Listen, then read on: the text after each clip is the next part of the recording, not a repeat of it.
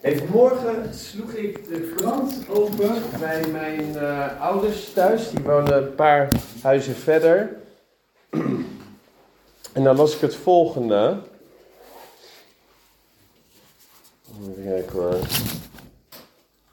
Nou, het staat, eh, staat op zijn kop. Basiskennis van de Bijbel neemt af. Nou, dat is een artikel in het Nederlands Dagblad. Waarin beschreven wordt dat eigenlijk heel veel christenen wel naar de kerk gaan, maar de, de basiskennis van de Bijbel steeds meer ontbreekt. Nou, misschien herken je dat wel aan jezelf, dat je denkt van ja, ik ga wel naar de kerk, maar uh, het Bijbel lezen vind ik nog best wel lastig. Ik heb er uitdagingen mee. Misschien heb je, lees je ook heel weinig de Bijbel, dat kan. Uh, er is in beginsel niks mis mee als je net tot geloof komt, zou ik willen zeggen. Ik heb de eerste twee jaar van mijn leven nadat ik tot geloof gekomen uh, ben, of uh, tot geloof uh, kwam, heb ik eigenlijk, had ik geen Bijbel, maar ging ik wel naar de kerk. En ik dacht, nou, dat is eigenlijk best wel prima. Totdat ik de Bijbel ben gaan ontdekken en toen kwam ik erachter dat eigenlijk als christen kun je niet zonder de Bijbel. Ik, in mijn voorbereiding dacht ik, een, een christen zonder, zonder de Bijbel, of, hè, een christen, niet, niet zozeer dat je een Bijbel hebt, maar een christen die de Bijbel niet opent, is als een astronaut zonder raket. Of een zeilman zonder schip. Of Max Verstappen zonder zijn Red Bull racewagen. Maar het is niet alleen dat. Het is als een astronaut zonder raket, of misschien wel met een raket, maar die, die gewoon nooit de lucht instijgt. Of Max Verstappen, die misschien wel een auto heeft, maar er gewoon niet in rijdt. Ik denk dat velen van ons niet zozeer um, hebben tegen het woord, of uh, zoiets hebben van ja, ik, ik, ik heb er geen interesse in, want daarom zit je hier niet. Maar als we eerlijk zijn, dan is voor veel christenen, en onderzoek wijst dit ook uit, is het een uitdaging om een levende relatie te hebben met God door zijn woord. En ik, ik ben iemand die daar ook gewoon. Uh, zeg ik Ik heb daar ook moeite mee in die zin. Ik heb inmiddels, ik ben, zo'n 15 jaar uh, geleden tot geloof gekomen en heb ik een manier ontwikkeld waarbij ik veel in het woord zit, van het woord te gaan houden. En ik hoop je vanavond daar iets in, in mee te geven. Wat gaan we vanavond doen? Ik wil kort belang van Bijbel lezen met je delen. Um, maar hè, het, is een, het is een teaching night die heet Bijbel lezen. En ik wil ook dat we gezamenlijk aan de slag gaan met de, met de Bijbel. We hebben dit één keer eerder gedaan met uh, de mannen. We zijn gewoon het woord ingedoken. En ik denk dat het heel belangrijk is dat je op zo'n avond niet alleen maar dingen hoort, want dat kan je overal, uh, maar dat, dat we ook zelf aan de slag gaan. En dat doe ik ook omdat we vorig jaar een Bijbelstudie hebben gedaan. En toen hebben we, heeft Stefan, die die Bijbelstudie gaf, ook aan iedereen gevraagd: van wat, wat zou jou helpen om een meer levendige relatie met God te krijgen door zijn woord? En toen kwam daar uit het hele lijstje met feedback kwam heel vaak terug dat we samen de Bijbel lezen. Samen, gezamenlijk een Bijbelplan, samen dit, samen dat. En dat verbaast me eigenlijk. Van wauw, het is best wel een behoefte van mensen om gewoon samen het woord in te duiken. En misschien zit je hier ook en lees je eigenlijk helemaal niet de Bijbel. En dan denk je van, nou, dan is het mooi om in elk geval op zo'n avond als deze het woord in te duiken. En hopelijk, en ik geloof dat je gaat proeven dat Gods woord leeft. Ja? Dus dat is um, kort wat we gaan doen. Ik wil je vragen om um, uh, Lucas als je, oh ja, nee, ik zal eerst nog eventjes wat, uh, wat vertellen over verschillende Bijbelvertalingen. Ik heb hier een aantal van onze, ik leg ze gewoon even op volgende zo. Een aantal van de, van de vertalingen, van de Bijbelvertalingen die wij, um, die, wij die ik zelf gebruik. Um, Ik liet, uh, wie was het net? Je had, je had, een Bijbel, toch? Uit die, die Rotterdam-Zuid, uh, wat, wat, was het? Een, een, Bijbel die in Rotterdam-Zuid uitgegeven werd, toch? Op straat. Ja. En dat was een vertaling uit... De Statenvertaling. De Statenvertaling, ja. Dus zeg maar oud-Nederlands. Ja. Oh, ja. En die deden ze dus uit in Rotterdam-Zuid? Ja, ik vond zo'n klein beetje, dus van de random. Die, gasten, eh, die gaven een Bijbel aan jou? Ja. Ja. Nou, is interessant, want super natuurlijk dat, dat uh, er bijbels uitgedeeld worden. Maar als je een vertaling als de Statenvertaling uh, ontvangt en je, en je krijgt zo'n, ik heb hier een, uh, en je, dit is dan nog een herziene Statenvertaling, die is nog wat moderner. Maar je krijgt die en je slaat hem open en denk je, ja, wat, wat moet ik hiermee? En waar gaat dit over? En dat is denk ik voor velen van ons ook wel de uitdaging van oké, maar waar, waar moet ik nou beginnen? Wat uh, moet veel mensen denken van nou, laat zoals elk boek gewoon aan het begin beginnen. Dat, is, dat is een goede suggestie. Uh, dan kom je ook best wel ver. Hè? Staan echt wel aantrekkelijk leuke, interessante, uh, wilde verhalen in. Op een kom je bij Nummerie en, en, en, en Leviticus en dan krijg je en lijsten met namen, registers en wetten. En dan haken heel veel mensen af. Nou, dus die, die, die, Bijbel, die Bijbelvertalingen, wat ik er eigenlijk over wil zeggen, het is belangrijk dat je goed nadenkt over welke Bijbelvertaling jij graag wil lezen en voor welk doel. En je hebt eigenlijk grofweg twee verschillende richtingen. Je hebt echt heel, hele woord voor woord vertalingen. Het zijn soms wat meer de traditionele, oudere vertalingen die echt de woorden zoals ze in, het, in de originele schrift zijn opgeschreven, laten we zeggen, letterlijk uh, vertalen naar het Nederlands. De uitdaging daarmee is dat het soms heel lastig leesbaar is, zoals een uh, uh, en daardoor heel lastig te begrijpen. Het kan wel heel goed zijn om echt Bijbelstudie in te doen in een, in een tekst die veel meer echt woord voor woord vertaalt. Tegelijkertijd, als jij begrijpend wilt lezen, dan is een, een vertaling als de Bijbel in gewone taal, of een basisbijbel die ook in je YouVersion app uh, staat, veel gemakkelijker om, door, om te begrijpen eigenlijk wat je leest. Het nadeel hier soms van is dat sommige begrippen die echt onderdeel zijn van ja, het christendom als gerechtigheid of goede tierenheid of genade, dat die misschien in één keer een ander woord krijgen. Waarbij je, soms denkt, hé, hoe kunnen, ze, hoe kunnen ze dit nou? Is dit nou gewoon uit de Bijbel geschrapt? Oh nee, zo heb ik vaak gedacht over verschillende Bijbelvertalingen. Maar ik heb, de, nou, ik heb dus de, de, de basis en de gewone taalbijbel weer ontdekt.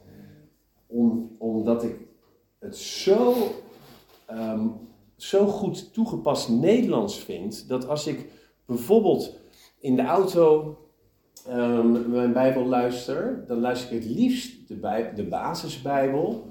Omdat ik bijvoorbeeld heb de laatste tijd gedaan een paar keer handelingen gewoon doorgelezen. Al die verhalen met met de apostelen waar ze allemaal heen gingen. En dan, dan denk ik, dan is het heel makkelijk absorbeerbaar. Dan ga ik een preek voorbereiden en wil ik echt onderzoek doen naar een bepaald woord. Dan zal ik minder snel zo'n zo'n vertaling pakken die wat meer intuïtief is, die wat, wat makkelijker leesbaar is. Dus je hoort hier dus wel uit verschillende manieren van, van Bijbel lezen. Het kan zijn dat je echt echt bijbelstudie uh, wil gaan doen en meer, meer kennis wil vergaren. Het kan zijn dat je helemaal aan het begin staat dat je zegt van nou die bijbel moet, uh, moet voor mij le uh, gaan, gaan leven. Ik begrijp het nog helemaal niet. Hangt echt af van de fase waarin je zit. En verschillende Bijbelvertalingen die kunnen daar heel erg bij helpen. Als jij vragen over hebt, uh, nou, kun je altijd dadelijk ook nog stellen. Wat heel belangrijk en eigenlijk fundament is. Als je, dit, als je dit boek, als je de Bijbel leest, zonder God erbij te betrekken, dan is het gewoon een boek. Dat klinkt heel, dat klinkt heel uh, misschien heel hard, heel heftig. Maar het doel van de Bijbel lezen is niet dat je meer kennis ervan krijgt, niet dat je, dat je meer uh, teksten uit je hoofd uh, weet. Is denk ik niet eens dat je beter leert leven. Het doel hiervan is dat je de schrijver ervan, de auteur van de Bijbel, dat je hem gaat leren kennen. Dat is het doel van de Bijbel. En met dat ik dat zeg, wil ik je ook echt meegeven. Als jij uitdagingen hebt met Bijbel lezen, start dan met proclameren dat je hè, naar God toe, dat je gewoon uit gaat spreken waar jij voor gelooft. Dus dat je gaat zeggen, oké God, wees gewoon, wees gewoon open naar Hem. God, ik heb een uitdaging mee. Wilt u mij helpen u te leren kennen door uw woord? Wilt u mij helpen in discipline vinden om het woord te openen? Wilt u mij helpen dat als ik het woord open, dat u dan ook tot mij spreekt? Wilt u mij helpen om begrijpend te lezen? Je betrekt God bij het Bijbellezen.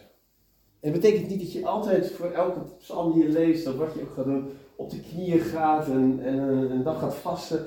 Dat hoeft ook niet. Maar ik heb, ik heb ontdekt dat als jij. Kijk, die honger die komt niet vanzelf. Die honger naar het woord. Dit is niet zo dat je in één keer wakker wordt en denkt van, oh, ik, ik, ik ga nu de hele dag Bijbel lezen en ik ga voor de rest van mijn leven alleen maar de Bijbel lezen. Er is ergens een stap, er is ergens een keuze die jij mag maken, waarin je zegt tegen jezelf, tegen God, oké, ik ga dit prioriteit maken. Ik ga, ik ga prioriteit maken, maar ik ga dat niet alleen doen. Ik ga dat met u samen doen. God, wilt u mij helpen? Het is eigenlijk bizar. Vraag God, heel veel dingen ons te helpen. Maar met het lezen van, van het woord vragen we zelden of nooit om, aan God zelf om ons te helpen om zijn woord te begrijpen en zijn woord te lezen. En ik denk wel dat daar een sleutel ligt. Er is een gelijkenis in de Bijbel, staat in Matthäus, staat in Lucas en het gaat over de zaaier. Die gelijkenis gaat ongeveer als volgt. Er wordt overal zaad gestrooid, maar heel veel zaad dat wordt of het, het komt tussen het onkruid terecht, of het valt op hele droge grond en het schiet geen vrucht. Maar er is ook zaad dat in goede grond uh, valt en dat 160 en 30voudig vrucht draagt. En dan vragen de discipelen, wilt u uitleggen waar die, wat die um, gelijkenis betekent? En zegt Jezus, well, dat, dat zaad dat valt op de, de, de, droge grond, dat is waar mensen het woord wel horen, maar het niet landt. Of mensen die horen het wel, nemen het met blijdschap aan, maar de vijand die komt en die rooft het weg. Of mensen, de, de, de, de issues of the world wordt er dan gezegd, hè? De, de uitdagingen van het leven, rijkdom, maar ook moeilijkheden, die zorgen dat het woord niet blijft hangen. Maar de, degene waar het 160 en 30voudig vrucht draagt, zijn degenen die het woord horen en het woord begrijpen. Dus één is het horen van het woord, maar twee is ook daadwerkelijk het begrijpen van het woord. Begrijp je wat je leest?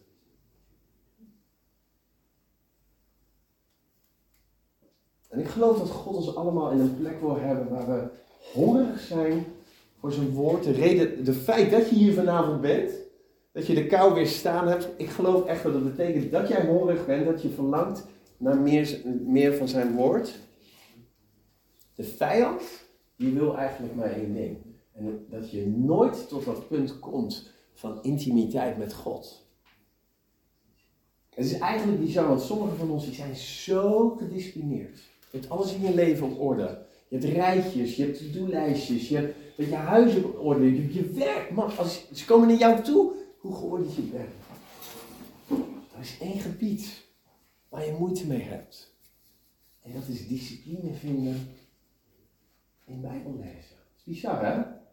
Ik denk een aantal van ons wat we herkennen. Derek Prince is inmiddels overleden, is voorganger. En die noemde het spiritual laziness. Spiritual, geestelijke luiheid. En het is niet, en het is, het is niet iets, ja, hoe zeggen het? Het is echt de vijand die probeert, dit, die probeert ons of af te leiden, druk te houden. Die, zal altijd zorgen dat je alles, alles regelt, overal mee bezig bent. Maar je Bijbel lezen, er tijd voor pakken, oeh, dat is toch zo moeilijk. En ik praat ook naar mezelf, want ik, hè, ik, het komt bij mij ook niet vanzelf. En ik ben wel hè, jullie voorganger, maar ik moet het echt, ik moet, ik, het is, ik, ik moet eraan werken.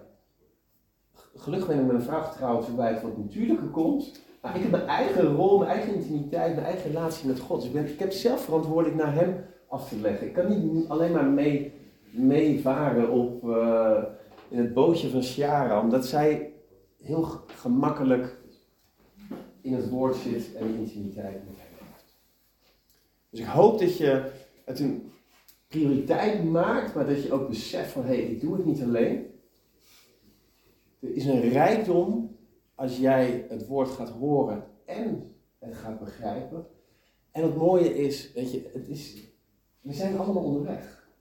Ik geloof niet dat er zoiets is van, oh, de, ik, ik, ben, uh, God is op een afstand of het gaat niet goed met mij met, met, met, Bijbel lezen. Als je dat soort dingen gelooft en gaat zeggen over jezelf, dan ga je een leugen geloven. En misschien geloof je op dit moment in een leugen, dat de Bijbel is niet, ik begrijp het niet of ik weet het niet, ik snap het niet. Stop daarmee. Vanaf dit moment kun je gewoon zeggen: God, dank u wel. U, bent, u, u leeft, u wilt tot mij spreken en ik wil u leren kennen. Ik wil daar nog even voor bidden. Vader in de hemel, dank u wel voor ieder die hier vanavond is. Vader, dank u wel voor de honger die u in, ieder van ons legt. Het feit dat je hier vanavond bent. God ziet je verlangen. God ziet je hart. En ik geloof dat u door gaat breken, Vader. En voor diegenen die al, die al een mooie relatie met u hebben, die uw woord lezen en die ook, ook hier vanavond zijn, ik bid een dieper niveau. Ik bid dat de geheimenissen van het koninkrijk aan jou nog meer geopenbaard zullen worden. Dat je gaat ontdekken hoe groot, hoe diep en hoe wijd de liefde is van God de Vader. En wat hij allemaal van jou in petto heeft. Dank u wel, Vader, dat u ons, dat u ons roept op uw woord. In Jezus' naam. Amen. Heeft iedereen uh, een uh, Bijbel, kan een telefoon of uh, heeft iemand geen Bijbel, telefoon of normale Bijbel bij zich? Heb je geen, ook niet op telefoon? Ja, ik durf nog wat regels te doen. Oké, okay. nou, ik, heb, ik heb er genoeg. Um, wat gaan we doen? We gaan samen de Bijbel lezen. En um, wil ik eigenlijk als volgt doen. We gaan namelijk Psalm 24 lezen. Ja. En uh, gaan het in eigenlijk in verschillende fasen doen. Ik ga het zo eerst één keer voorlezen. Nee, we gaan dan. We nemen even stilte. En je pakt even een aantal minuten om het eerst zelf te lezen. Ja? Dan ga ik het voorlezen. En dan ga je het nog een keer zelf lezen. En als je ergens notitie kan maken in je telefoon uh, of op een notitieblokje, doe dat. Want wat gaan we doen? We gaan God vragen om door deze tekst heen tot jou te spreken. En we gaan op verschillende manieren, het, zal ik zo het woord um, voorlezen. Zal het eerst gewoon doorheen lezen en dan daarna zal ik het echt woord voor woord gaan lezen. Ehm, het is belangrijk dat je. kijk, niet, misschien krijg je niet direct een openbaring, of eh, het hoeft niet gelijk dat je een visioen krijgt uit de hemel van wat dit betekent voor jou voor de komende vijf jaar, dat je naar Japan moet trekken, dat soort dingen. Maar het kan wel. Het kan ook gewoon zijn dat. Je kan ook gewoon God vragen: God, wilt u iets highlighten aan mij? Maar het kan ook zijn dat, dat, dat, hij je ergens een vraag bij stelt. Wat betekent dit? Ik, een van de dingen die ik, die ik graag doe, is, is uh, Bijbelgedeelten die ik niet, niet begrijp, daarin verdieping zoeken. Dus ik ben nu bezig in ehm, het Oude Testament. En dan, zegt, en dan lees je op een gegeven moment dat het volk Israël gaat, trekt uh, Canaan in. En dan moeten ze iedereen uitroeien. Iedereen. En hebben ze op een gegeven moment de vrouwen en kinderen van het volk niet uitgeroeid. En ze zeggen, God, ja maar wat heb je nou gedaan? En dan worden ze gestraft. En ze moeten allemaal uitgeroeid worden. En dan kan je zeggen, sommige mensen zeggen van, nou weet je, zo'n God dien ik niet, dat is niet meer God, bestaat niet. Ik ga weg van het geloof. Maar mijn vraag is van, ja maar God, waarom, wat is de reden dat u nou zegt dat, u, dat al die vrouwen en kinderen uitgemoord moeten worden? Wat zit daarachter? Ik twijfel niet aan, aan God, maar ik vraag me af van waar, waarom? Dus die waarom-vraag, mag je ook stellen in, hierin. Dus het gaat er niet om dat, dat je alleen maar mooie, prachtige dingen ontdekt. Je mag gewoon jezelf en, en het woord niet in twijfel trekken, maar gewoon de, de, de waarom-vraag stellen. Want ik denk als, we, als jij. Ik, ik wil je niet, uh, hoe zeg? Ik wil niet leren.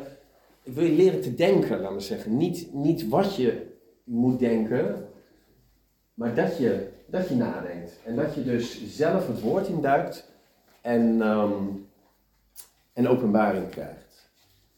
Oké, dan willen we nu. Um, pak even vijf minuten, Psalm 24.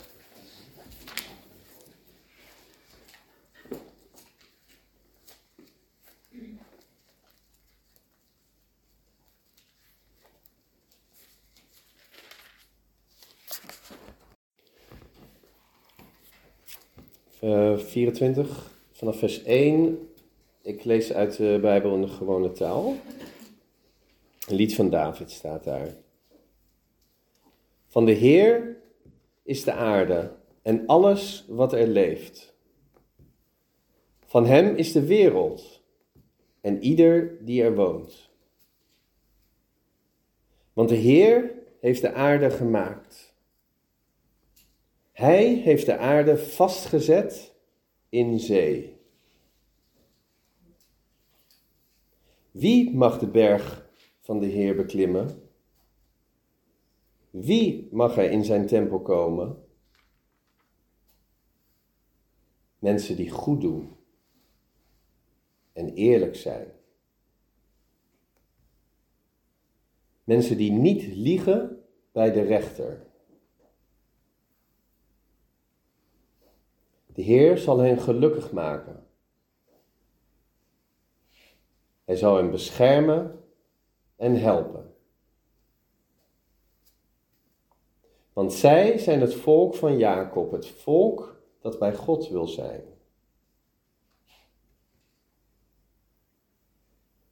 Poorten van de tempel, ga open. Ga wijd open, prachtige deuren. De grote koning wil binnenkomen. Wie is dan die grote koning? Het is de Heer, machtig en sterk. Het is de Heer, sterk in de strijd.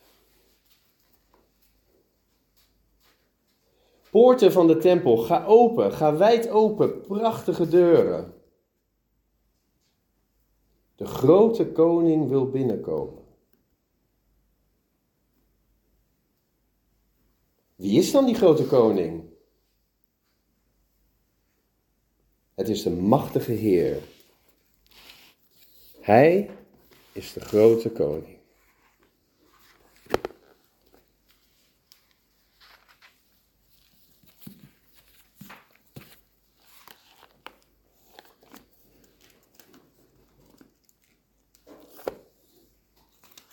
Wat ik nu wil doen.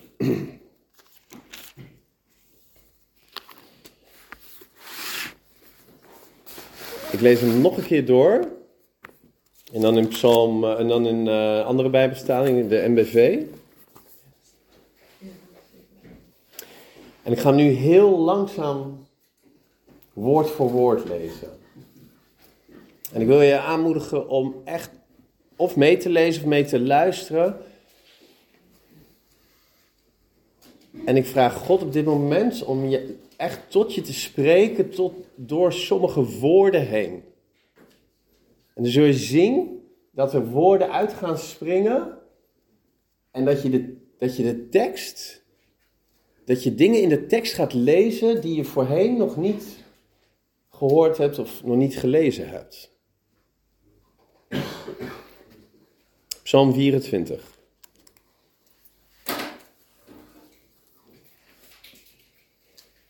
Van de Heer is de aarde. En alles wat daar leeft.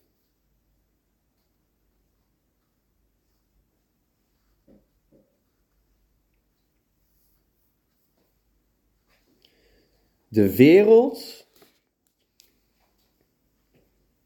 en wie haar bewonen.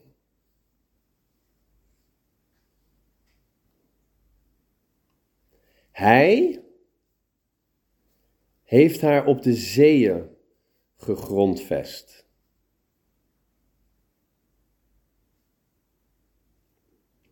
Op de stromen heeft hij, heeft hij haar verankerd.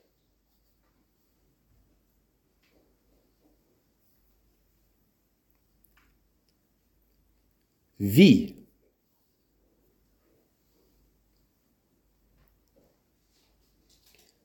Wie mag de berg van de Heer bestijgen?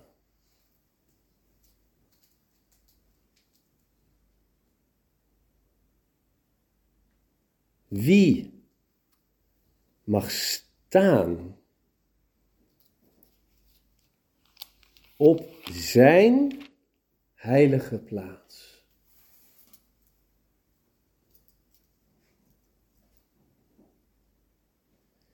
Wie reine handen heeft en een zuiver hart.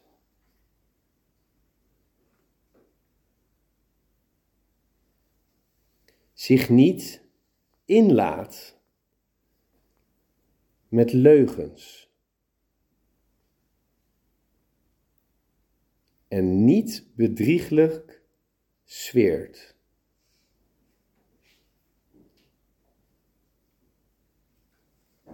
Zegen zal hij ontvangen van de Heer. En recht verkrijgen van God zijn redder.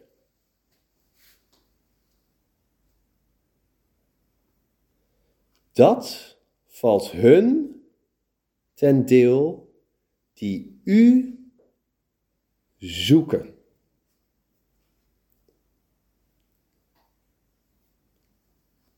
Die zich tot u wenden. Het volk van Jacob.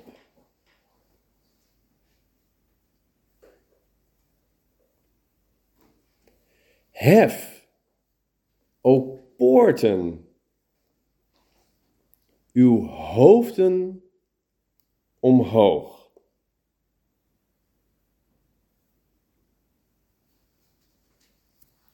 Verhef u,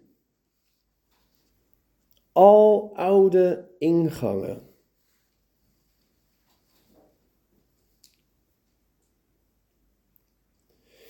De koning vol majesteit wil binnengaan.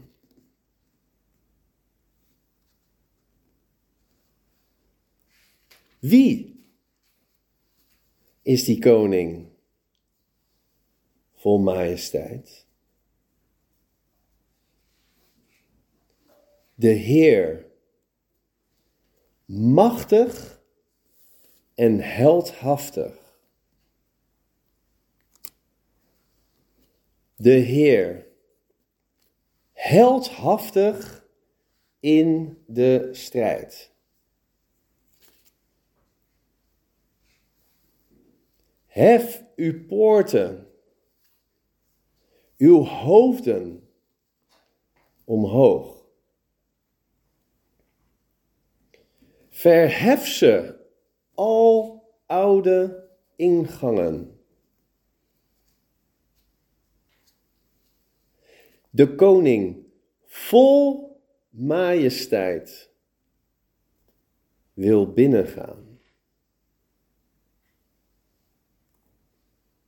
Wie is hij, die koning vol majesteit?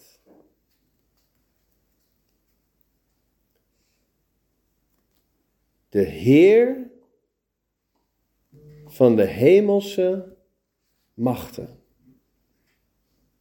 Hij is de koning vol majesteit.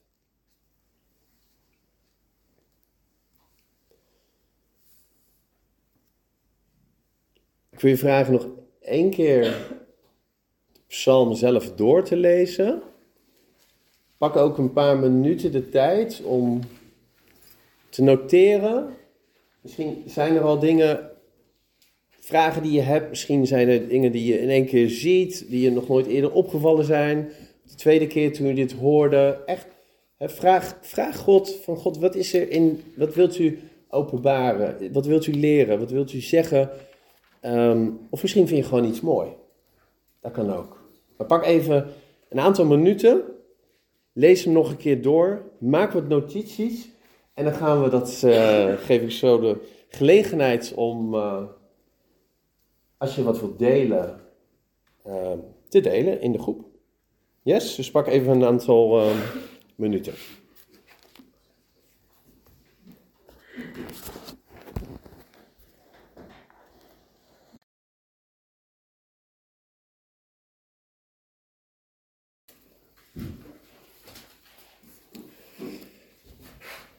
Oké, nou sommigen van jullie zijn nog uh, hard aan het schrijven en zoeken. Ga er vooral mee door, maar ik ben wel benieuwd um, of iemand uh, iets wil delen. Wat sprak je aan? Heb je iets ontdekt? Is God iets tot je gesproken? Heb je ergens vragen bij? Het mag echt alles zijn. Wie, uh, wie trapt hem af? Voordat ik iemand aan ga wijzen? Nou, ik wil wel iets uh, zeggen. Uh, ik heb de oude Statenvertaling, dus dat is de, de meest ouderwetse, die, uh, daar ben ik mee opgegroeid. maar dan lees je, wie zal en wie zal staan in zijn heilige plaats, wie zal de, de berg van de Heer beklimmen. Ik denk altijd een beetje aan de, de wet, waar de wet gegeven werd, zeg maar. Maar in jouw andere vertaling zeg je van bij de tempel, dus dat geeft wel weer een andere invulling. Terwijl ik hier nog dacht van ja, de heilige plaats, is dat zeg maar een offerplaats of zo? Of uh, een plaats die gewijd was aan God? Of, maar jij gaf wel aan, dit, in de andere vertaling lees je dan weer, dat is de tempel. Ja. dat is de plek waar geofferd werd en waar je uh, voor God verscheen, zeg maar, ja, een soort kerk of ja, uh, ik weet niet hoe we dat nu zouden noemen. Ja.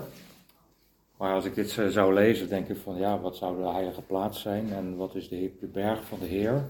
Dat is, dat is nog niet echt concreet, zeg maar. Ja. En de andere vertaling geeft er wel een duidelijker uh, plek aan. Klopt, hier staat wie mag in zijn tempel komen. Ja. En in jouw en mijn uh, andere vertaling staat wie. Um, de heilige plaats of zo? Ja, de heilige plaats. Wie mag staan op zijn heilige plaats.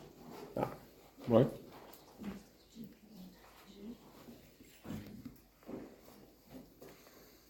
Who else?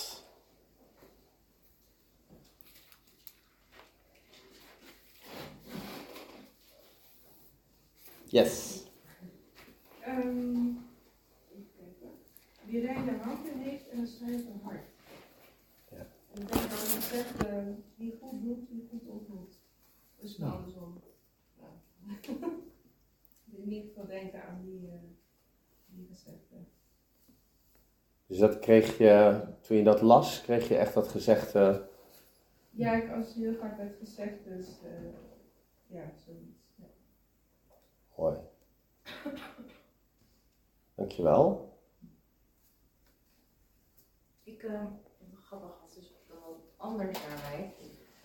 Omdat, uh, je had het over wie is naar de plaats bent gaan en dan wie reine handen heeft.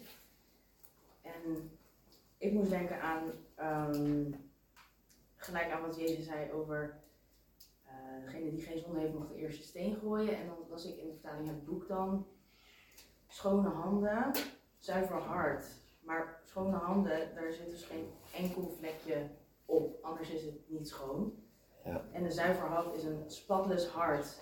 Maar welk mens heeft schone handen en een zuiver hart zonder zonde? En toen moest ik denken, wacht, toen ging het even zo sparen en uh, dacht ik van, ja, het gaat gewoon weer volledig over Jezus, weet je wel, en wat hij voor ons eigenlijk heeft gedaan. Ja. Maar dat, daarom zou ik nog dieper moeten gaan, maar ik, ik dat moest daar gewoon ineens toen aan denken. Ja. Ja. Dat is mooi, want je hebt eigenlijk nog meer. Je leest iets en dan denk je van hé, hey, ik heb nog meer vragen of ik moet nog dieper. Uh... Ja, ik krijg altijd heel veel vragen. Ja. Ja. Mooi, dankjewel. Yes. Ook daarover, um, wat hij op een gelijk zei was dat God onze hart van steen wegneemt en ons hart vlees zal geven. En het eigenlijk Jezus in ons is die schoon is, zeg maar. Als we Jezus accepteren en zijn karakter eigenlijk ontvangen en hij ons transformeert naar zijn evenbeeld, zijn we dus eigenlijk in zijn hoofd dat we ons betekenen met bloed van Jezus Christus. En zal de Vader ons zien als zijn zoon, zeg maar. Dus ja, dat weet je toch wel. Ja, dat, dat, is tenminste ik van de Heilige Geest. Mooi. Mooi. Dankjewel. Waar is ze?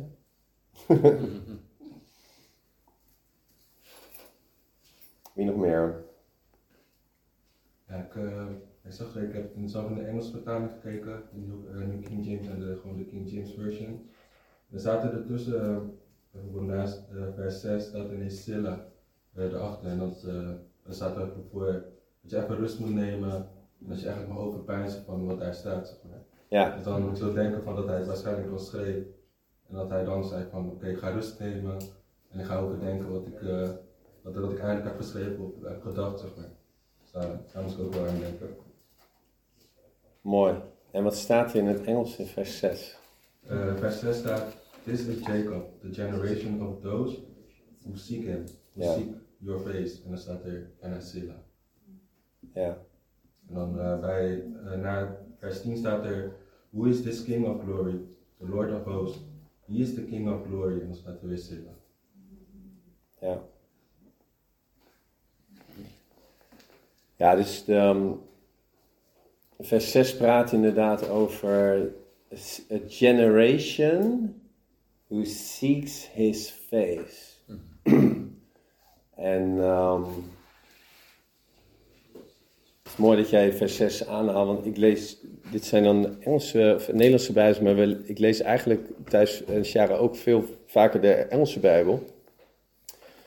En dit was een vers wat voor dit jaar God zo erg gehighlight heeft.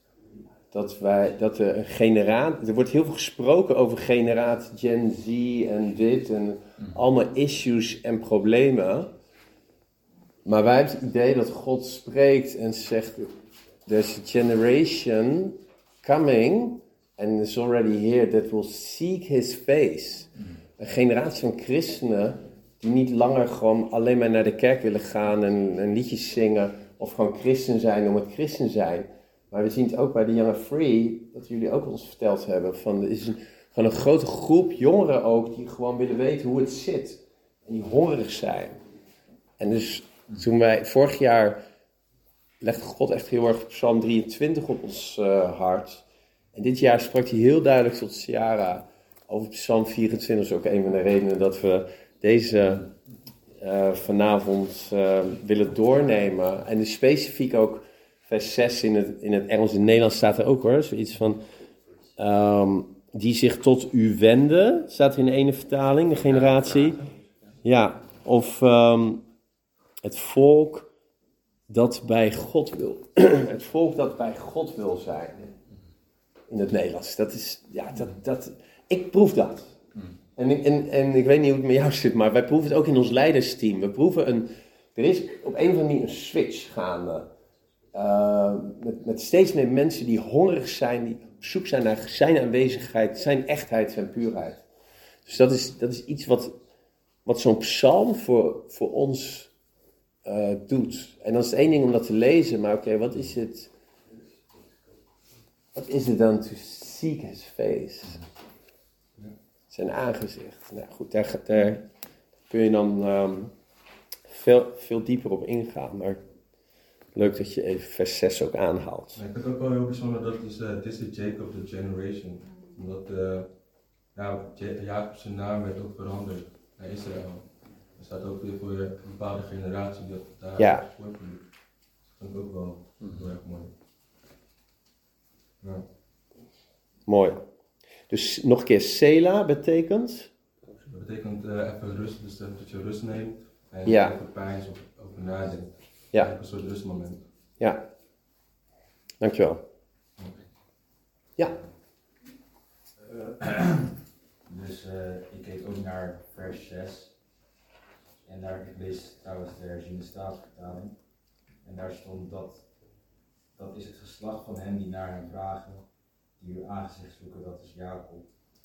Ehm, mijn eerste vraag was daarom, waarom specifiek Jacob? Want God stond toch bekend als de God van Abraham, Isaac en Jacob. Dus waarom wordt Jacob hier zo eh, specifiek genoemd? Ja.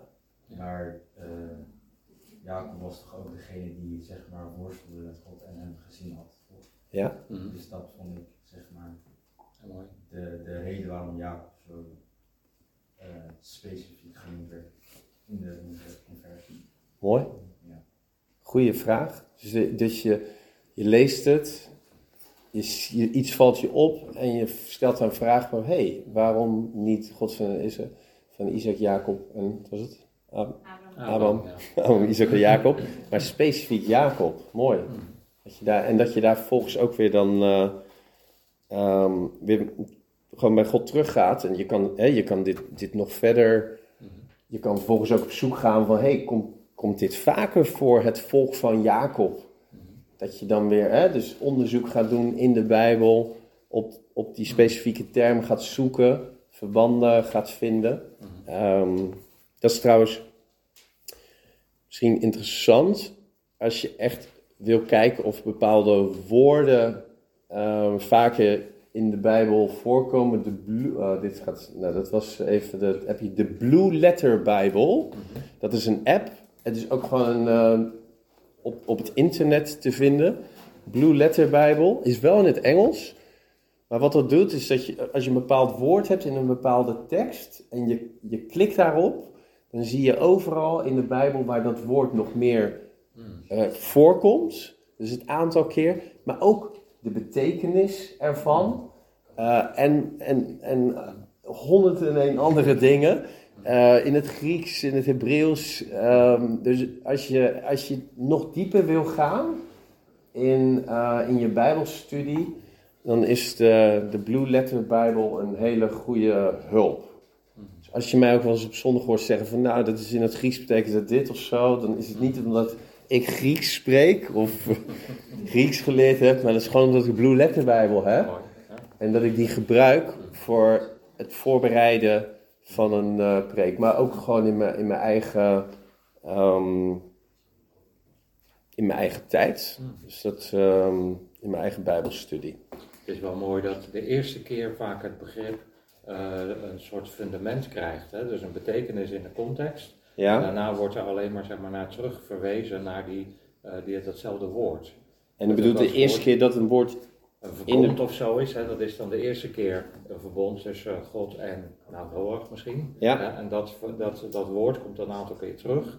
Maar het is heel mooi om naar de eerste keer specifiek terug te lezen Ja. hoe dat eh, zeg maar een context heeft. Ja. Dat, Ja. is, dat is best wel eh, nou, zeg maar kracht, dat woord. Ja. Ja. Dus het, maar het is wel mooi, de Blue Letter Bijbel. Ja, ik heb eh, recent gesproken over ehm, de wijnstok, Johannes 15. En toen was er ook zo'n, er was dus ook die term van, ehm, sommige van die wijnstokken die Haalt hij weg. haalt hij weg. Ja. En, en daar heb ik heel veel onderzoek naar gedaan. Van, ja, maar haalt hij, haalt hij nou de wijnstok weg? Of hè, sommige, sommige interpretaties van het woord, die zeggen ook, he lifts them up. Ja. En toen heb ik dat volgens mij ook in mijn preek zo Ja, een beetje uitgelegd van ja, er zijn verschillende interpretaties. Sommige mensen zeggen van ja, als, er, als het allemaal niet goed gaat, God die lifts you up. Hè? En dan in zo'n wijnstok, die Ja. zit altijd aan zo'n soort frame. Ja. En dan een soort, en zo'n beeld van een kruis. Mhm. Dat is hoe je het kan interpreteren. Mhm. Maar de, de meeste ehm, eh, scholars, de Bijbel, de theologen, die zeggen van nou nee, het, het is wel degelijk dat hij het weghaalt.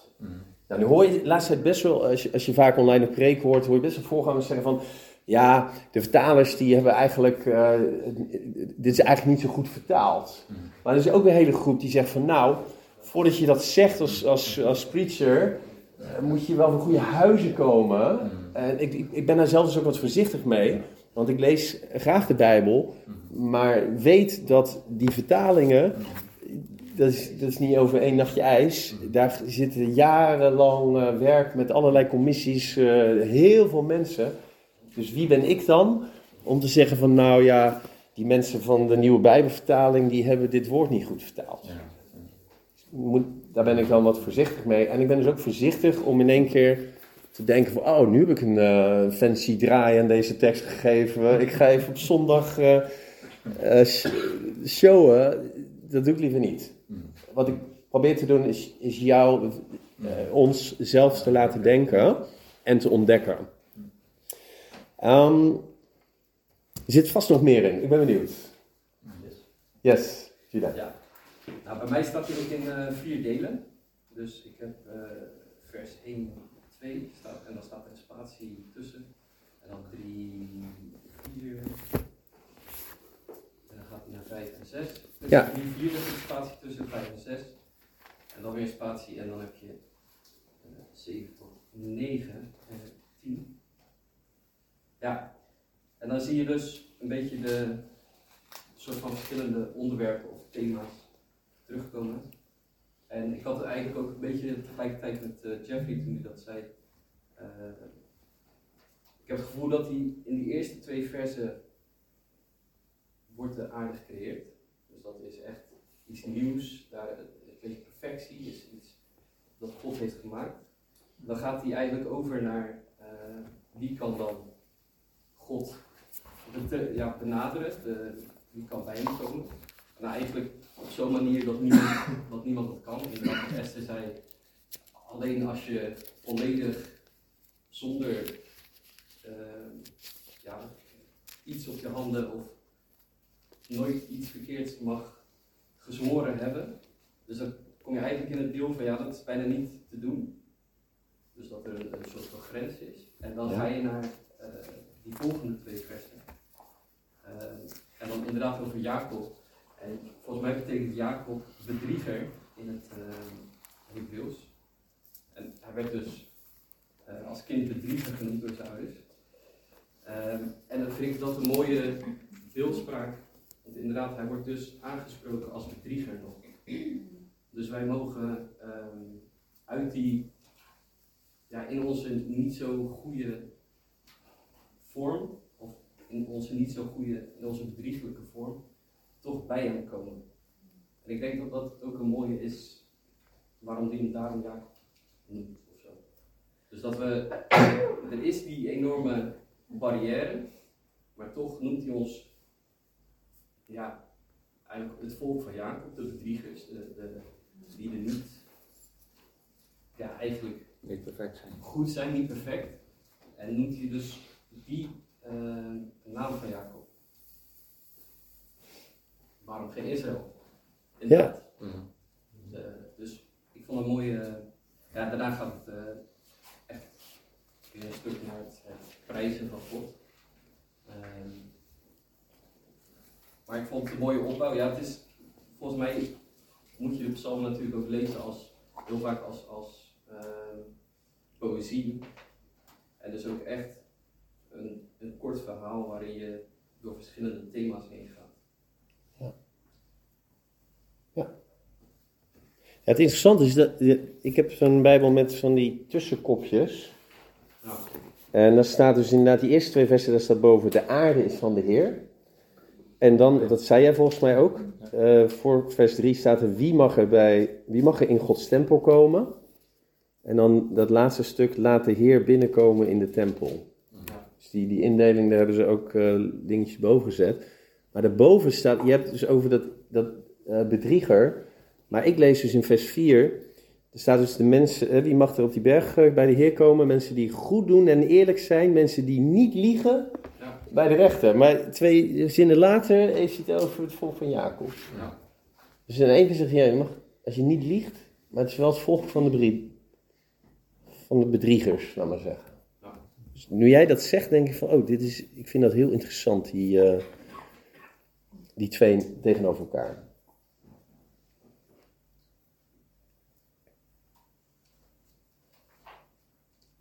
En dat, dat schone handen, hè? dus daar hebben we nou. Ehm, ja, vers 4. Puur hart. Clean, in het Engels staat er clean hands en a pure heart.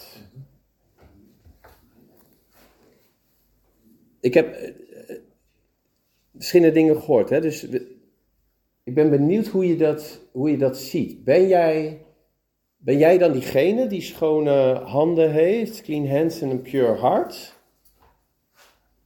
En mag je daarom bij God komen? Kan het ook niet zijn dat... Ja, ik heb de Bijbel-app, zeg maar. Ja. Dus daar staat heel erg... eh, ja, weer anders geschreven. Ehm, maar... ehm, bij mij staat zeg maar bij eh 24, op eh, nummer 5, zeg maar. Dat zij zullen als een zegen van God zijn. Zijn goedheid in hun leven ervaren. Die reikt hij hun verlosser hunzelf toe.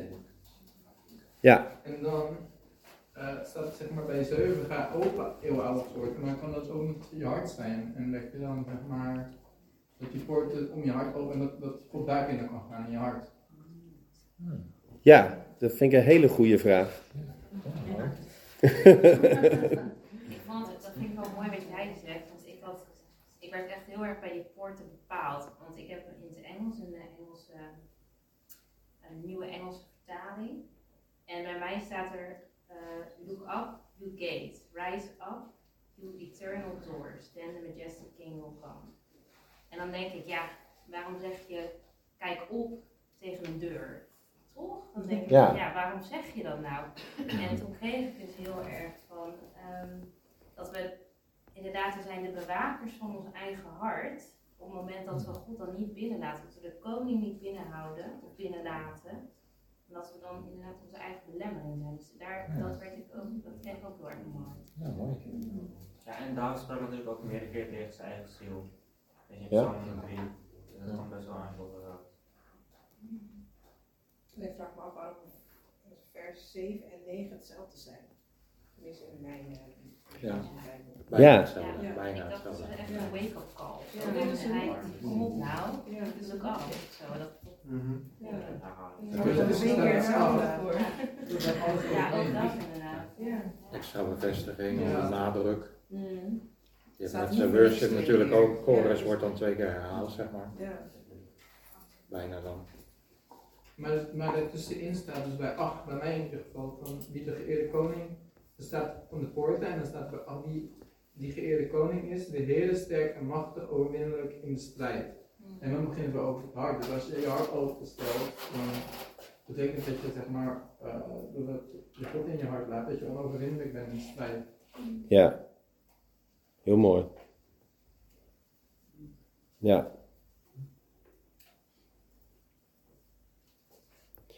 Ja, dat, ja ik vind, dit, dit vind ik echt gaaf. Ik weet niet hoe het bij jou zit, maar dat, dat je zo... Ik had dus ook opgeschreven van... Die poort, in in één vertaling staat dus, hè, je je hoofd omhoog, je poort. En denk, hoe kan een poort nou een hoofd hebben? Weet je, dat, kwam je ook een beetje op. in het Engels. En dat jij dan zegt van ja, maar dat is je, is je hart. Ja, dat is geweldig. En het hoeft niet zo, dit is inderdaad, Judah zei het is poëzie. Hè? Dus David, is, volgens mij, ja, David schrijft deze. En die, die, we weten niet of, die dit, eh, of dit een lied was, zeer waarschijnlijk wel. En dan kan het dus zijn dat hij daarom dus dingen herhaalt. Net als dat wij in de kerk ook wel eens een refrein herhalen. Ehm, desalniettemin, de vraag is natuurlijk, het is het woord van God, van wat, wat spreekt hier doorheen? Wat, wat wou de oorspronkelijke auteur zeggen? Dus wat, wat bedoelde David hiermee? Dat is één ding. Maar ook, wat wil God tot jou spreken hierin? En kijk, die tempel, dat, het huis van God, staat hier, dat, dat kan ook kerk zijn. Dus kan, als je hier zo, dat, dat, dat de kerk, dat, dat, dat we poorten open mogen zetten van de kerk en de King of Glory naar binnen mogen, mogen laten, laten gaan. Dat, dat, is, dat kan ook, zo kan God ook tot jou of tot mij spreken. Misschien ik als voorganger denk sneller aan dat het de kerk is, maar dat weet, dat, eh, dat weet ik niet. Maar ik hoop dat je gaat, ehm, dat je gaat zien wat we hier doen. Wat we, we, we zeggen niet van, oh, dit is wat het betekent. Uh, en ik denk helaas dat de kerk te lang door de eeuwen bezig is ge- eh, geweest met eh, een soort van interpretatie van wat het betekent. Er zijn hele oorlogen, hele kerkscheuringen allemaal eh, geweest om bepaalde bijbelteksten. Ehm, en, en dan kom ik weer bij het eerdere punt van als je, als je alleen maar bezig bent met wat staat hier, zonder God erbij te betrekken, dan kan het, dan, dan kan het zo zijn dat je puur op, de kennis, op het kennisniveau van eh, de Bijbel gaat zitten en niet op het openbaringsniveau en het relatieniveau. En ik geloof, en wij geloven als kerk, dat daar het woord voor bedoeld is. Dus misschien is dit nieuw voor je. Denk je, zeg maar, eh, wat nou? Moet ik het dan zo, zo, eh, zo toepassen? Ehm, ik geloof dat je echt zelf, zelf mee aan de slag mag gaan. Want er liggen echt diepere lagen van openbaring in Gods woord. En de manier van lezen, die is dus ook best wel, ehm, kan heel bepalend zijn voor hoe je eh, ja, het woord tot je neemt. Je kan bijvoorbeeld, ik ben nu bezig om eh, een bijbelplan te doen van een jaar. En dat heb ik al eens eerder gedaan. Ehm, maar er zijn, er zijn ook daarin best wel veel variëteiten. Eh, er is ook bijvoorbeeld, ik, ik heb als voorganger gehoord, eh, Brian Houston, die las de Bijbel in echt een hele snelle, een korte periode. Dus volgens mij ging hij in een maand of zo, zes weken, ging hij door de Bijbel heen. Nou, dat betekent dat je niet echt op bepaalde teksten kan mediteren en blijven hangen zoals we hier vanavond doen. Maar hij zei van, hé, hey, dat is een hele andere manier die me meer inzicht heeft gegeven, omdat ik een soort van een helikopterview beter kreeg of waar het, ja, waar het over ging. Nou, dat is weer totaal anders. Als jij de Bijbel in een jaar leest, dan um, mij is het heel vaak uh, niet gelukt, omdat ik dan, oh, dan kwam ik bij Johannes en dan bleef ik daar gewoon lekker drie maanden in Johannes kamperen, omdat ik het zo geweldig vond en andere delen. Alleen, dat is, dan, dan moet ik daar apart. Dus wat ik doe, is de Bijbel in een jaar lezen. Maar dat is, um, dat is niet mijn Bijbelstudie. En het is ook niet mijn persoonlijke. Um, uh, mijn quiet time, laat maar zeggen, met God. Dus, dus ik, ik, doe die dingen naast elkaar. Soms denk ik van, oh, het is, ik moet meer de Bijbel lezen. Dat is helemaal niet wat God van ons vraagt. Ik denk soms dat, dat, dat vijf minuten, of dat, dat, dat één openbaring hier, hè, laten we jouw voorbeeld nemen van dit, dat het hier gaat om je hart. En, en dat je dan gaat ontdekken van, oh, wie mag er... Who may ascend the hill? Who may stand in his holy place? Hè? Dat zegt hij in het Engels. Clean hands and a pure heart. Heb ik dat?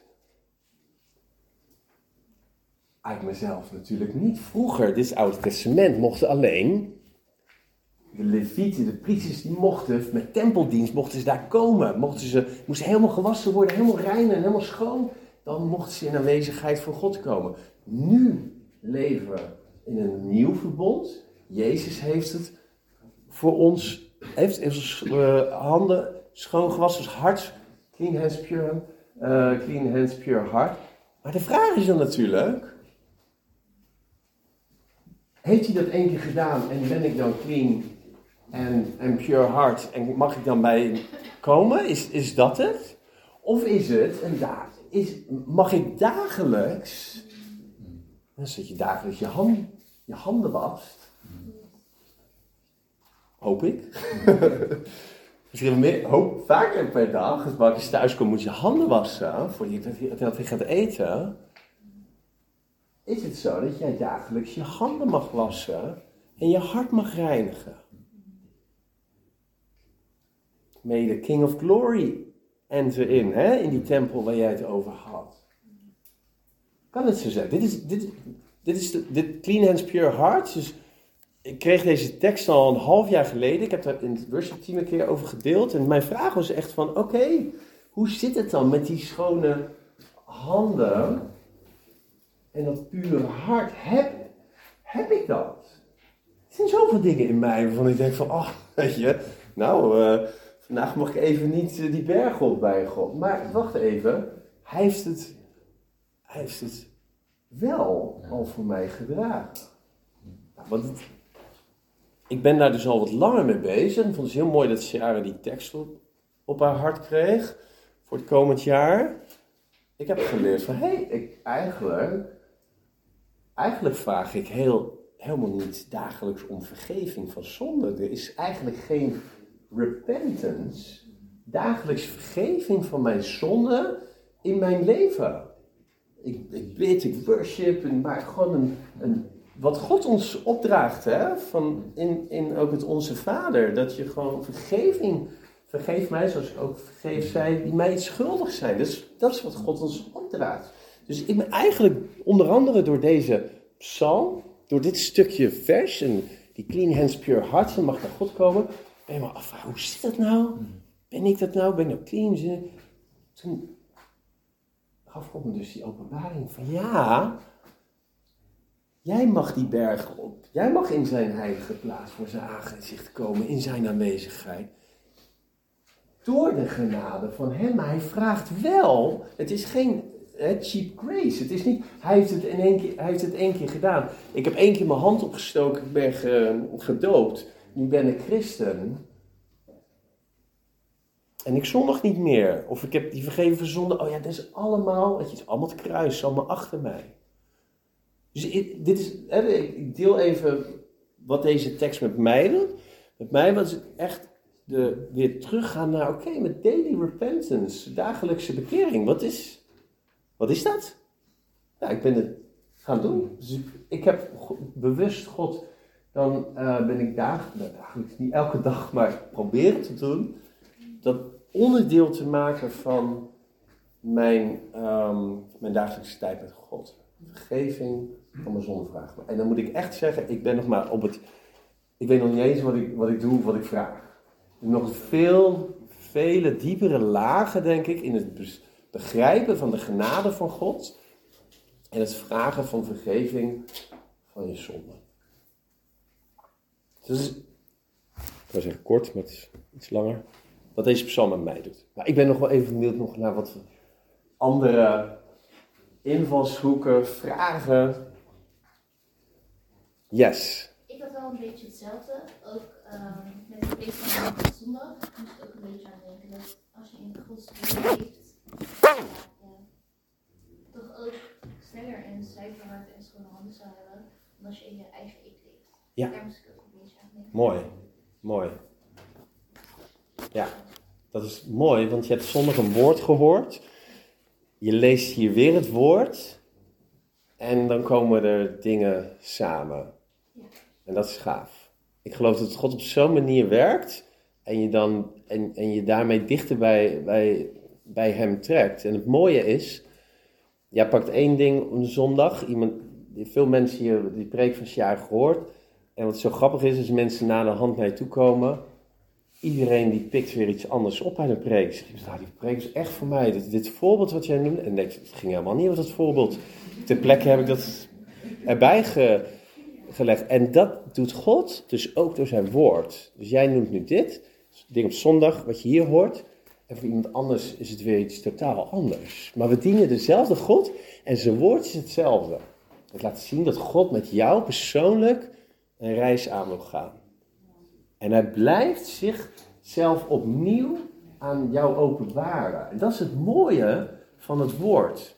Je kunt dus gewoon een, hoofd, een hoofdstuk of een zin echt nou, honderden keren lezen.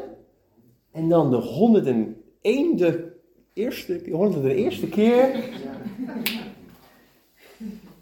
Weet je van, nou, ja, ik heb het gewoon nog nooit gezien. En ik, ik heb dat best wel vaak. Dat ik zeg, nou, ja, nou. Moet je nou zien wat staat? Ja? En dan zeg nou, dat is niet normaal. Ik heb dat nooit gezien, hè.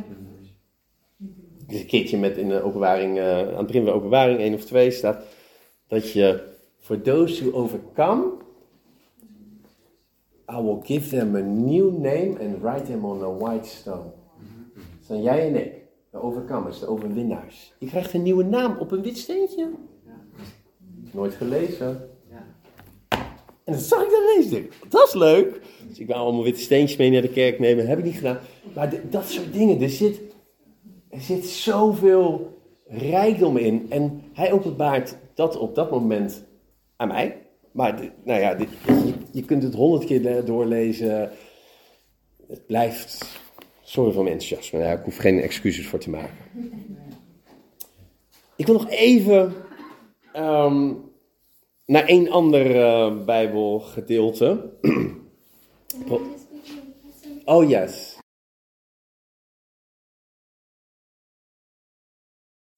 um, reminds me of the fact that God is creator, um, and because of that, He owns everything that He created, and that we are supposed to be stewards of His creation, and in that also seek His guidance on how to steward that which He has entrusted in our care.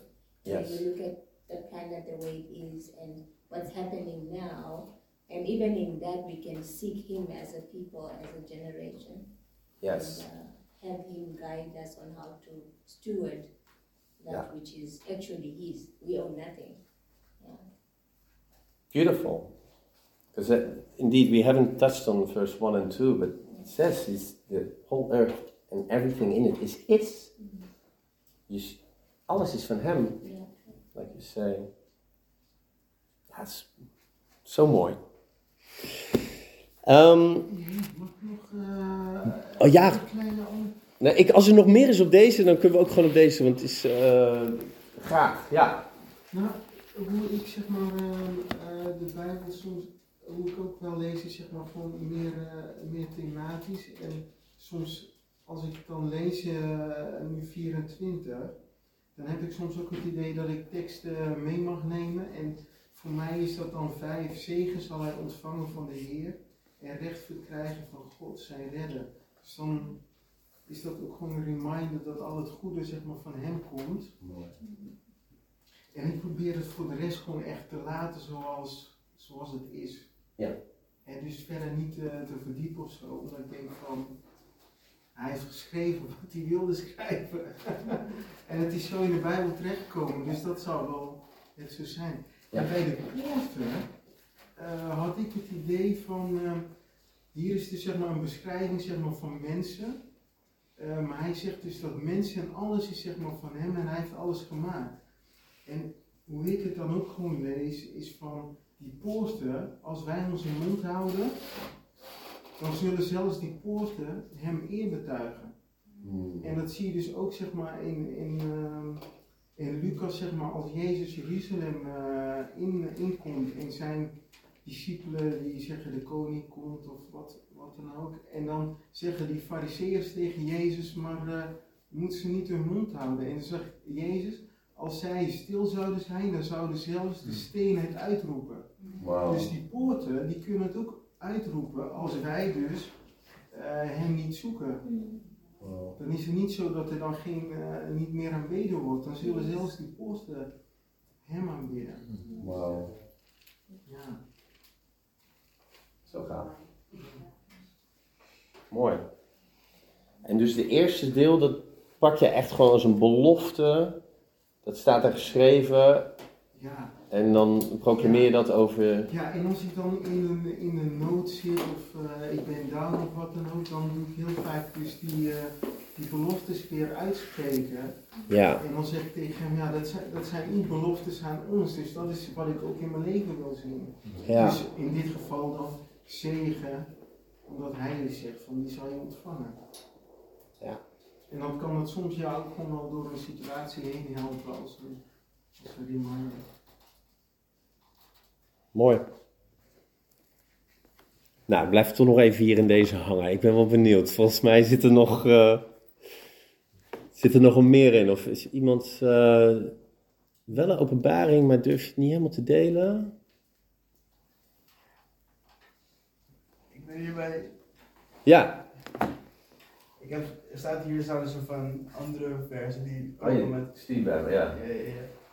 En deze geven geleid uit Johannes 3. Waar staat die iedereen die tot Christus komt zal rein zijn omdat hij rein is. Wauw. En dat staat dan hier ook van met dat rein met schone handen en zuivere harten. Komt overeen. Ja? Dus iedereen, er staat dus een verwijzing daar in de, in de tekst naar Johannes 3. En daar staat dan. Iedereen, ieder die dit gelooft, leidt een rein leven omdat Christus rein is. Ja. Mooi. Ja. Dus verwijst dan weer naar Jezus. Gaaf. Ja, want dan moet ik ook weer denken aan eh, eh, Johannes 15. Eh, daar staat ook, want jullie zijn, al, jullie zijn al rein om wat jullie gehoord hebben. Dus dat, dat doet me dan toch weer die vraag van, oké, dus zijn we dan, zijn al rein? Ja? En dan, maar dan blijft bij mij de vraag van, ja, maar oké, ben je dan, je bent rein omdat, wat nog een keer, Johannes 3, wat is de, omdat je in hem gelooft? Kijken. Ieder, ja, ieder die dit gelooft. Dus eh, we Christus komt zullen wij zoals hij, eh, wat zeg je? zoals hij, omdat wij hem dan zien als hij werkelijk is. Ja. Ieder die dit gelooft leidt een rein leven omdat Christus rein is. Maar ja, als je gelooft, dan woont hij ook in je hart. En dan ehm, wil je ook leven, zeg maar. Dan wil je ook zeg maar, via de Heilige Geest leven. En als je dan zeg maar, je eigen ik volgt, kun je er gelijk een afstand mee de Heilige Geest. Waardoor je wel gezongen wordt om te repenten, zeg maar. Omdat je anders die afstand blijft houden. Dan ben je niet in Christus. Ja. Klopt. Maar ja, we zijn ook zo schoongewassen. Dit gewassen Ja. Nou, dat is dan ook weer. Dan denk je, we zijn dan al, we zijn al omgekleed. Eens. Ja, dus dit soort. Dit soort. eh, ge- hoe zeg je dat? Gebieden, dit soort vragen. Die zijn naar mijn mening zo interessant. Om te verdiepen. Want het, het kan, daar kan iets staan. Hè, dus hier staat dan van je bent al rein. Dat je in Christus gelooft. De vraag is maar geloof jij dat ook? Of heb je beliefs, heb je, heb je een beeld van, van God, wat misschien daar niet mee matcht? Want wat ik ook mooi vind wat jij las, is dat je Jezus zo gaat zien zoals hij is. Maar wij zijn mensen en volgens mij hebben we, we hebben zoveel christenen, bijna zoveel kerken. En, en, en iedereen heeft weer een ander beeld van wie God is en hoe, hoe dit woord geïnterpreteerd moet worden. En ik hoorde zijn voorganger zeggen van ja, hoe weet je nou, how do you know that you're deceived? Hoe weet je nou dat je ernaast zit? Dat is heel lastig, want als je ernaast zit, dan geloof je dus in die leugen. Maar we hebben wel te maken, we hebben daar dus wel mee te maken. Dus jij, jij leest de Bijbel met, vanuit jouw, ehm, ja, vanuit wat voor jou waarheid is. En als je niet oppast, dan dat heb ik jarenlang het begin gedaan, heb ik alleen maar de mooie, fijne Bijbelteksten lezen. De God is goed en houdt van je. En als ik dan hoorde van ja, die vrouwen en kinderen moesten ook eh, vermoord worden, dan sprong ik er even snel overheen. Ik dacht, ja, dat, dat matcht gewoon niet. Openbaring kon ik 1, 2, 3, hoofdstuk 4, 5 nog wel, maar dan daarna, weet je wel, als het echt los ging. En nou, dan dacht ik van, oeh, laat maar. En nog steeds, ik sprak mijn moeder, bless her, het is ook christen. En, eh, en die, die zegt van, nee, openbaring, nee, daar begin ik niet aan. Dat doe ik niet. Ik zeg, ma, dat kan je niet maken. Er staat in openbaring 1 van, gezegend is er ieder die deze profetie tot zich neemt. Dus ja, er ligt een zegen voor u te wachten. Als u het leest. Nee, dat, openbaring, dat vind ik zo, uh, poeh, weet je, heftig. We lezen, eh, we lezen dus met, met, als we niet oppassen, met, met onze beperkte menselijke, ehm, ja, met, met- onze menselijke beperking. Maar dat hoeft niet. Dat hoeft niet, want jij en ik hebben Gods geest in ons. En daarom is het zo mooi dat we, dat we God kunnen betrekken en voor mij een must om de Heilige Geest te betrekken. Je zegt van, Heilige Geest, wilt u mij helpen? Mijn geest met uw geest. Ja? Staat ook ergens, dat herhaal ik vaak. His spirit en our spirit, ook ergens in Johannes. Together confess that you're children of God. Dus jouw geest, het Heilige Geest, die mogen aligned zijn. En als je, als je, ehm, als je dus God op die manier vraagt van God, wilt u mij helpen? Wilt u mij leren? Wilt u mij openbaren? Dan gaat hij dus stap voor stap, gaat hij jou dat openbaren. En ik geloof, en mijn ervaring is dat hij dat doet, gewoon met waar jij bent in, in jouw wandel met hem. En de Bijbel spreekt er ook over, hè, dat sommige, hè, je, hebt, je hebt, laat maar zeggen, baby, eh, babymelk en je hebt de more solid eh, food. En ik geloof dat God je gewoon stap voor stap dieper dingen wil gaan openbaren in zijn woord. Heel mooi is dat. Gaaf.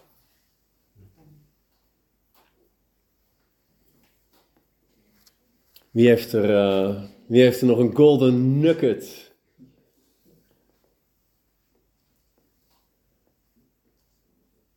Iets wat je opvalt?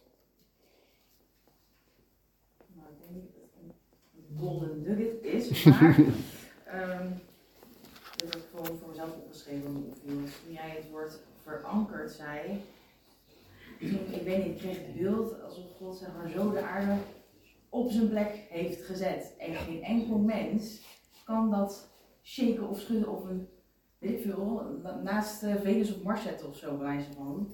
En ehm, dus ik heb opgeschreven, wankelt niet en niemand kan de aarde een andere richting opbewegen. Geen enkel mens. En als je dat langzaam leest, dan denk je van, wow, dan krijg je echt zo'n ontzag voor de Heer weer. Vrees Ja. voor de Heer. Dat voelde ik heel erg met dat. Gewoon zo'n één woord wat je dan hoort. In een van die vertalingen inderdaad staat. Het is verankerd. Ja, en ik ook dan dat jullie staat op de rot die niet wankelt. Ja. Weet je wel, wanneer je fundament op hem bouwt. En, ja. Dan kun je ook weer allerlei dingen in de Bijbel bijpakken die er overheen komen natuurlijk. Maar dat is wat mij opviel. echt een mooi woord. Ja, verankerd. Ja, en die stond, eh, die kwam volgens mij weer uit de MBV, want inderdaad op de, deze, de, de BGT, de taal, staat vastgezet. En dan, ehm, ja, verankerd. Ja, is mooi, is een mooi woord.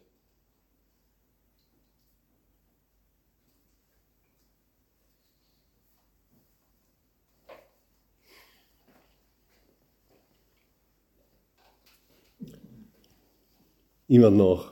Jerome, je zit op het puntje van je stoel. Nee, ik vind de Bijbel lezen gewoon heel leuk.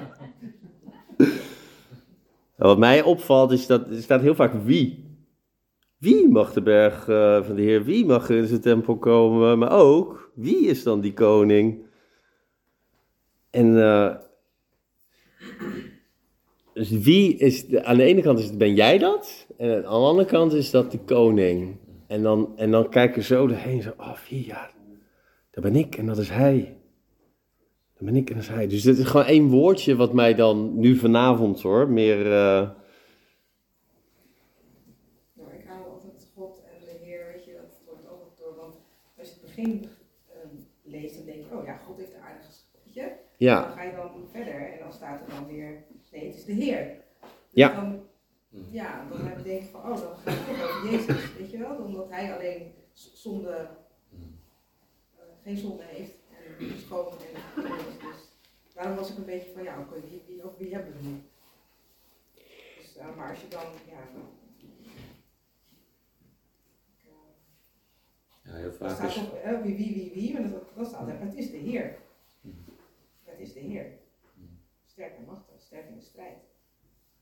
Ja, in de oude tekst die je zo uit deze Bijbel staat dan heel vaak de Heere, dat is de ik ben, hè? Dat is de Ah, de Jehovah. terug, ja. Dat Ja. is de, de, de God. Dat geeft bij eh, mij soms wel eens verwarring. Ja. Snap ik, ja. Maar God is ook heel vaak de Elohim, dat is een meervoud. Hè? Dus de Joden geloven, eh, ik ben de Heere, eh ene God. Maar dat is eigenlijk, eh er staat één goden. eh, dat Vader, Zoon en Heilige Geest daar al eigenlijk in zit. Dus heel vaak zie je dat God de drie eenheid is. Maar ze staat de Heer of de Heere, hè, in deze oude vertaling dan. Dat is de ik ben, hè, zo van ik ben, ik ben de enige God. Hè, dus eh, zeg maar één in wezen. Ja.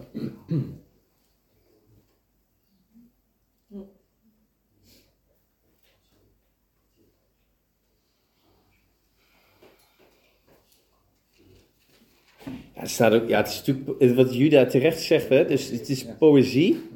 Ehm, dus dat is een andere vorm. Ehm, hè, sommige boeken zijn heel erg beschrijvend, heel geschied, geschiedkundig. Sommige zijn meer profetisch, dus voorspellen meer over hè, wat er gaat gebeuren. Dit is, dit is inderdaad meer poëzie. Maar ja, maar dat betekent niet dat het, hè, het is nog steeds het woord van God, maar dan, ik kan me daar wel gewoon, eh, ik geloof juist dat God heel erg daar doorheen kan spreken. Dus hij zegt eerst, poorten van de tempel, ga open. Dus dan weer de bijbegewone taal. En dan, ga wijd open. En dan, ja, als het dan, hè, als, eh, waar je dan ook zit, als het, de, de, eh, als het je hart is, en hij zegt van, ga open, ga wijd open. Oh ja, wie, wie, gaat, wie gaat dat doen? Wie gaat die, gaat die openzetten? Dus ik denk eerst Jezus en dan kunnen wij door de poorten van de hemel. Kan ook. ja. Maar, Maar wij, dit- ja, maar wij kunnen het zelf natuurlijk ook openzetten. En daarna echt wagenwijd open. Dat zou dus ook een proclamatie. Het is helemaal aan jezelf, maar ik, als ik dit zo zie, dan zou ik zeggen: Oh. Als ik opsta, ga open. Ga wijd open. May the King of Glory enter in. Dank u wel, Jezus, ik ben weer wakker. De poorten staan open van mijn hart. U mag binnenkomen. Wilt u binnenkomen? Wilt u, wilt u mijn hart Wilt u mijn hart vullen vandaag? Of misschien als je een moeilijke meeting ingaat of op de tandartsstoel gaat liggen, dan eh, zegt de tandarts misschien ook wel, doe de poort open. Maar ja, dit, dit leeft. Sorry, nee, niet sorry. Maar hier word ik... ehm, Maar eh, in Korinthe staat ook dat je lichaam een tempel is van de Heilige Geest. Juist, ja. Ja, ja dus, dus helemaal eens te meer om, ehm, hè, wat jij net ook al aangaf, dat het voor jou aansprak van, dat is mijn hart en je bent de tempel en die, die poorten mogen open, ja. Ik heb net even op het woord gezocht, want iets schoon te binnen van. Ik heb ergens door de week heen is het woord poort, of nauwe poort, wijde poort is ook ergens voorbij gekomen. Ja. En dus nu heb ik het even opgezocht. En in Matthäus 7 staat, Jezus zei tegen zijn leerlingen, ga binnen door de smalle poort. Want de poort naar de dood is wijd. En de weg daar naartoe is breed. Ja. Dus dat kan ook, dus ja. Mooi. Ik weet het niet, maar. Ja. ja maar toch misschien die bedriegerskant, de Ja. doodskant. Als je, waarom moet je schoon en rijk zijn als je daar doorheen wil? Geen idee. Ja. Iets. En smalle poort is een hele, eh, oh, dat is ook een, wat betekent het dat je door die smalle poort in mag gaan in plaats van die brede, die heel mooi lijkt, maar tot verderf leidt. Ja. Wauw. Nou, een allerlaatste afsluiting. Wie heeft eh, nu echt eh, de golden nuggets of... eh, Nou, dan, dan Juda, ja, Nee, tuurlijk. Maar nee, ik, zat, want inderdaad, Jezus zegt ook, eh, wat- ik vond het leuk wat Jerome zei, eh, over dat stukje dat Jezus natuurlijk eigenlijk Jeruzalem binnengaat en dat dan eh, de fariseeën naar hem toe komen. En dan staat er de stenen. En volgens mij komt hij uit de oostkant, komt hij Jeruzalem binnen. En heel veel mensen denken ook, de stenen gaan hem aanbidden. Eh, maar daar liggen dus ook alle Joden begraven aan de oostkant. Dus je kan het ook zien als de, ehm, de grafsteen. En dan is het ook weer heel mooi om, zeg maar, Jezus, dan wordt ook gezegd, hij ging naar de poort van de hel en brak die open. Die heeft de sleutels genomen. Dus ergens ook die poorten die. Tenminste, ik kwam een beetje tot die, tot die eh, cirkel daarin van oké, eigenlijk vind ik dit hele hoofdstuk, de totale evangelie, de totale eh, ja, zondige wereld, tenminste perfecte wereld. We kunnen niet toekomen. eh, uiteindelijk komt hij en hij herstelt ons. Hij herstelt onze bedrieglijke ons. En hij laat ons dus binnenkomen. Of hij, hij komt zelf binnen. En dat vond ik dus een hele leuk dat je die aanhaalde. Eh, omdat ik dus ook echt denk, van, ja, Jezus pakte die sleutels en heeft die poorten opengezet. Wauw. Eh, en ja, dus eigenlijk is het hele evangelie gewoon het, het hele hoofdstuk, denk ik. Geweldig. Toch? Ja. Supermooi. Nou, dat was de Golden Nugget. eh, dat, dat was hem, jongens. Daarom kwamen we hier dus samen vanavond. Hey, supermooi. Ik hoop dat je, ehm, dat je bemoedigd bent. Dat je, dat je geïnspireerd bent geraakt. Eh, kijk, er zijn verschillende vormen van Bijbelstudie. We hebben ook, eh, gaan binnenkort het boek Openbaring samen met Stefan echt, echt heel diep in. Het is weer een andere vorm van Bijbelstudie. Dit is, hè, dit is een, een teaching night waarin we proberen te helpen. Hè, we hebben ook Bijbellezen genoemd. Waarin je eh, proberen te helpen de Bijbel te lezen, een leven te maken en ergens ja, handvaten te geven om die intimiteit met Hem te ontwikkelen. En ik, ik hoop dat je daar vanavond bij, eh, bij geholpen bent. Eh, altijd goed om, mag je zo doen, achteraf wat feedback geven. Eh, ik wil, Kees, wil jij zo afsluiten met gebed? En dan als je nog wat wil drinken, dan we zijn hier nog wel eventjes. Maar ik wil alvast heel erg danken voor je komst. Vader in de hemel. Oh, jij mag bidden. Ja. Automatisch. Ja. Dank u, Vader, dat we tot u mogen komen, dat we uw leiding van de Heilige Geest mogen ontvangen om ook eh, Bijbel te lezen. Ja. En Heer, inspireer ons ook eh, vandaag, morgen, in de toekomst, om steeds weer opnieuw die discipline te nemen om uw woord te lezen. En Heer, help ons erbij om ook het woord eigen te maken. Heer, het is rijk en er zit heel veel zegen in voor ons leven. En Heer, wilt u dat ook eh, openbaren aan ons? Wilt u ons eh, daarbij helpen om het eh, te leren begrijpen, om het ons eigen te maken, zodat het ook echt ja, rijk mag zijn voor ons leven. Heer, zegen ons en laat ons van hier gaan. Geef ons een hele goede week verder. En we danken u voor dat u onze schaduw bent aan de rechterhand, dat u zo dicht bij ons bent, dat u in ons woont en dat u rondom ons bent, ter bescherming, tot zegen. En Heer, dank u wel dat we zo gegrondvet mogen zijn op uw evangelie. Dat bidden we in Jezus' naam. Amen. Amen. Dankjewel.